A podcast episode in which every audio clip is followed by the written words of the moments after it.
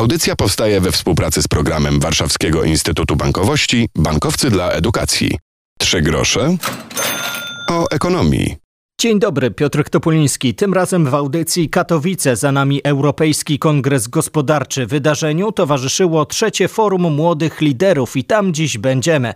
Tematem jednej z debat były kompetencje młodzieży i zaangażowanie firm w rozwój szkół i uczelni. O tym więcej w najbliższych minutach. Lilla Młodzik z Uniwersytetu Zielonogórskiego o najbardziej potrzebne cechy na rynku pracy zapytała ostatnio studentów piątego roku różnych kierunków powiedzieli, że najbardziej przydatne na rynku pracy kompetencje to odpowiedzialność, gotowość do współpracy, umiejętność współpracy, czyli rozdzielenie tych dwóch kategorii i opanowanie.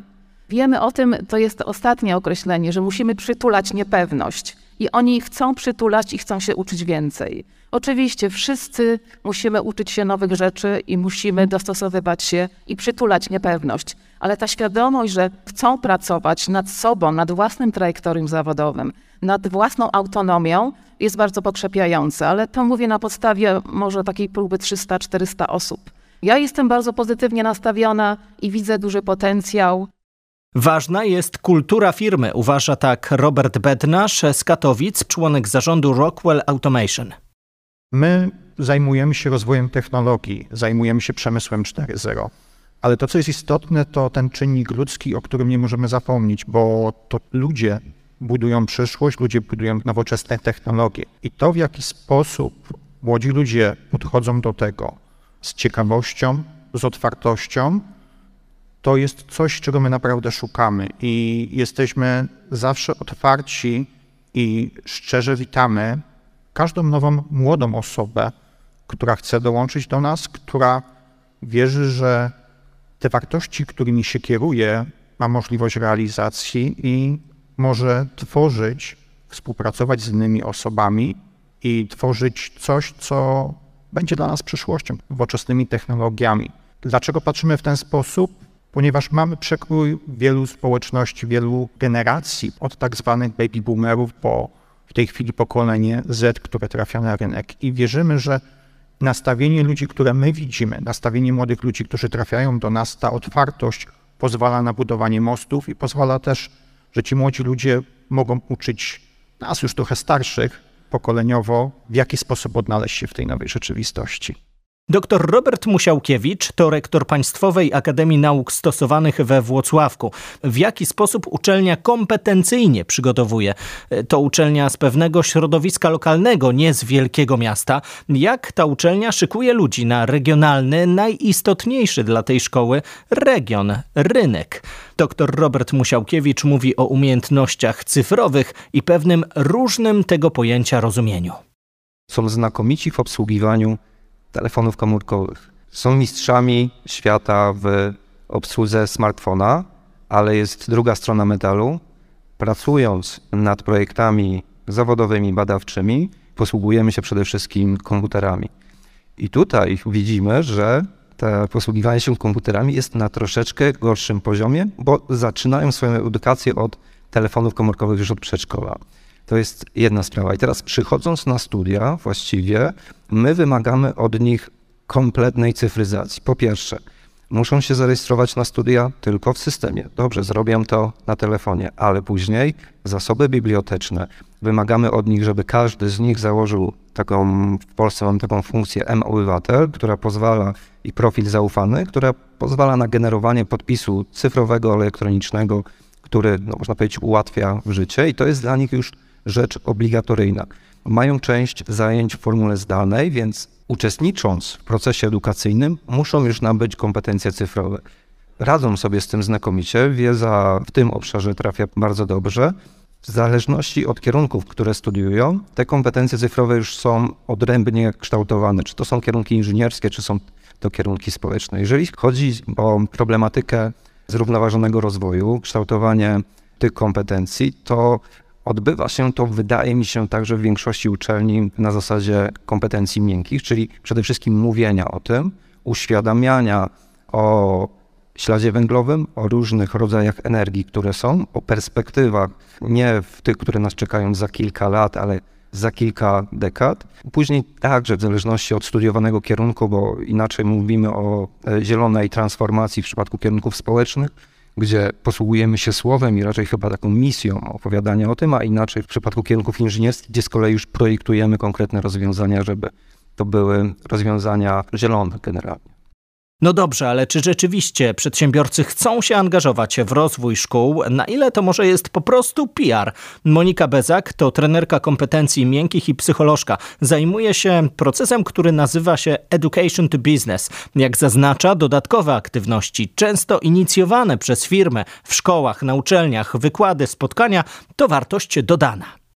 Ta education to business, czyli współpraca uczelni i szkół z firmami, ma sens wtedy, kiedy jest oparta o konkretne działania. Czyli oczywiście to mogą być projekty badawczo-rozwojowe, to mogą być doktoraty wdrożeniowe, to może być taka współpraca bardzo ogólna, ale jeżeli zaczynamy wspólnie coś robić, podejmować wspólne działania i pracodawca o tym mówi, to jest właśnie ten employer branding, czyli pracodawca w pewien sposób, ta firma buduje swój wizerunek, no to zaczynamy wszyscy wynosić z tego wspólne korzyści, bo młody człowiek ma szansę dowiedzieć się czegoś nowego, nauczyć się, a pracodawca, no na przykład może łowić talenty, czyli może już poznać tego młodego człowieka, zanim trafi do jego y, firmy. E, I tutaj muszę też powiedzieć, że coraz więcej firm naprawdę ma te swoje zakładki kariera, gdzie nie tylko już są oferty pracy, ale też oferty stażowe, oferty praktyk. I zachęcamy młode osoby do tego, żeby sobie wchodziły na te strony internetowe, sprawdzały, oglądały, bo im więcej takich działań się dzieje, im więcej mamy praktyk, z których jesteśmy zadowoleni, staży, warsztatów, szkoleń, tym młody człowiek się więcej nauczy, a pracodawca faktycznie, faktycznie angażuje się w tą współpracę. I oczywiście dla firmy też musi być jakaś gratyfikacja, jakieś podziękowanie, czyli może w ten sposób budować swój wizerunek jako takiej firmy otwartej na edukację i otwartej na kształcenie. Posłuchajcie, co pewnej studentce radzą Lilla Młodzik z Uniwersytetu Zielonogórskiego, Monika Bezak, trenerka kompetencji miękkich, Rafał Kunaszyk, eurokrator, a także Robert Musiałkiewicz, kierujący uczelnią we Włocławku. Mam na imię Katia i jestem studentką Uniwersytetu Jagiellońskiego w Krakowie, gdzie studiuję politykę i także tutaj reprezentuję takie NGO jak Young European Ambassadors i jestem z Ukrainy. Jak możemy jako studenci walczyć z taką kwestią, stereotypami wieku.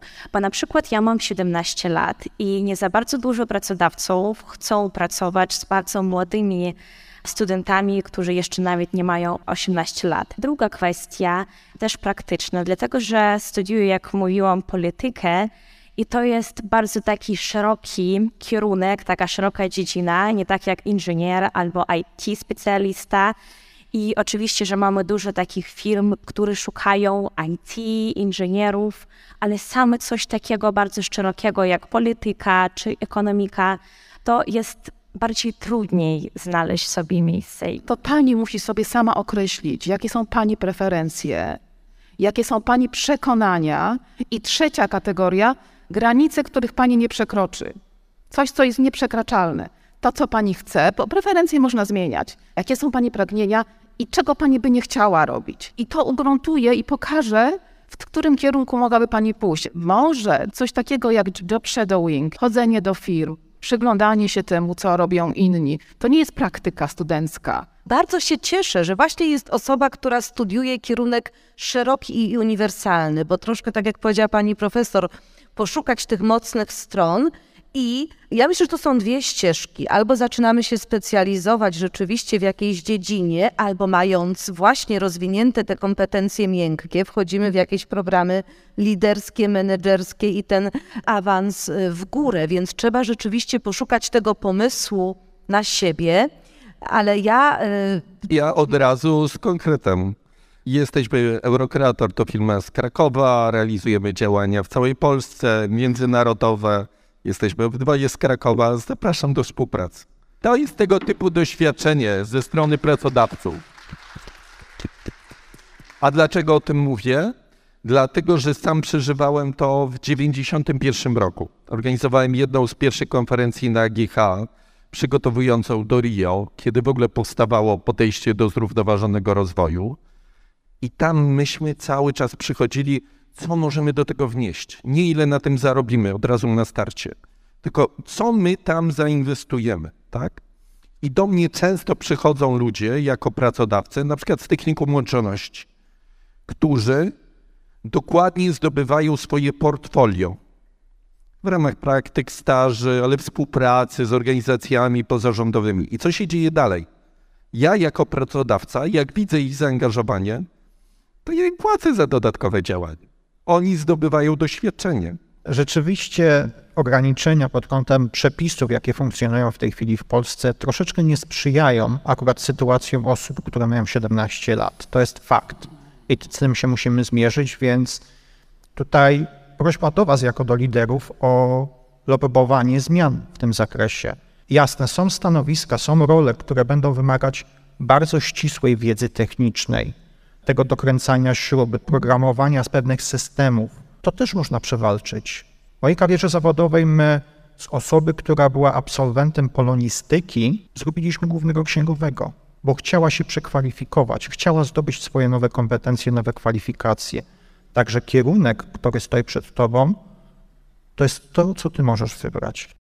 Jak słyszycie, oferta pracy, współpracy wyszła od Rafała Kunaszyka z firmy Eurokrator, a jak dodał Robert Musiałkiewicz, ostatni mówiący przed chwilą, dorośli uczą się w ten sposób. 70% przez praktykę, również błędy, 20% od innych przez współpracę, coaching, mentoring, a tylko 10% tej wiedzy wchodzi do nas przez udział w warsztatach, szkoleniach. Zatem rozwój przed nami właśnie w taki dorosły sposób. Polecam Facebook Fundacji Rozwoju Systemu Edukacji. Tam cała rozmowa i tam kilka debat związanych z trzecim Forum Młodych Liderów. Piotr Topoliński, dzięki za dziś. Do usłyszenia. Polecam jeszcze na koniec podcast Trzy grosze o ekonomii. Warto wpisać w swoich ulubionych aplikacjach z podcastami. Do usłyszenia za tydzień. Audycja powstaje we współpracy z programem Warszawskiego Instytutu Bankowości Bankowcy dla Edukacji.